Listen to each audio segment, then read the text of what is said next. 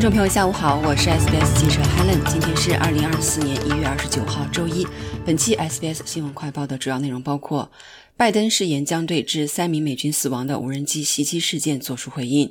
巴勒斯坦驻澳特使将要求澳洲外长恢复对加沙的援助；香港高院裁决勒令恒大破产清算；ACCC 报告发现幼托费用水涨船高。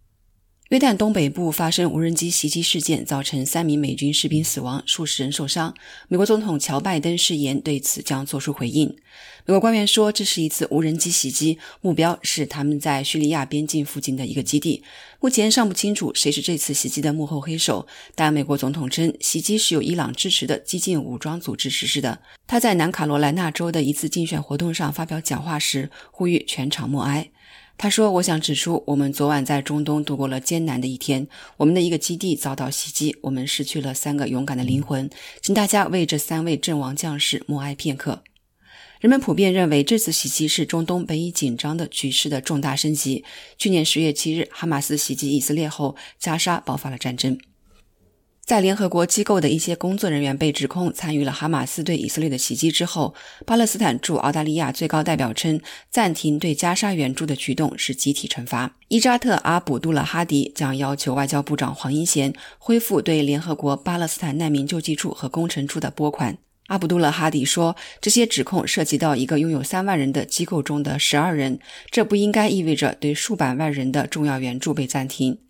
澳大利亚是包括美国和加拿大在内的十个停止向该机构提供资金的捐助国之一。香港一名法官下令对大型房地产开发商中国恒大集团进行清算。法官林达灿表示，鉴于恒大在提出可行的重组方案方面缺乏进展，法院下令恒大清盘是适当的。恒大在十二月表示，正试图完善一项新的债务重组计划，涉及超过四千五百六十亿元的负债，因此获得了短暂的喘息时间。这一决定预计将对中国的金融市场产生连锁反应。清算程序是指对公司进行清算的过程，即没收和变卖公司资产，所得收益通常用于偿还未偿债务。澳大利亚竞争与消费者委员会表示，在改善托儿成本和托儿服务方面还有大量工作要做。澳大利亚竞争与消费者委员会的儿童保育调查最终报告于今天发布。这份报告发现，补贴普遍降低了不同收入人群的自付费用，但自托儿补贴推出以来，所有服务费用的增长速度都超过了通货膨胀和工资的增长速度。澳大利亚竞争与消费者委员会的主席吉纳卡斯·法特利布表示，许多澳大利亚人正在努力负担托儿费用。他说：“我们看到，我们社区中最弱势和最脆弱的成员，包括低收入家庭和原住民家庭，都无法获得满足其需求的可负担得起的托儿服务。”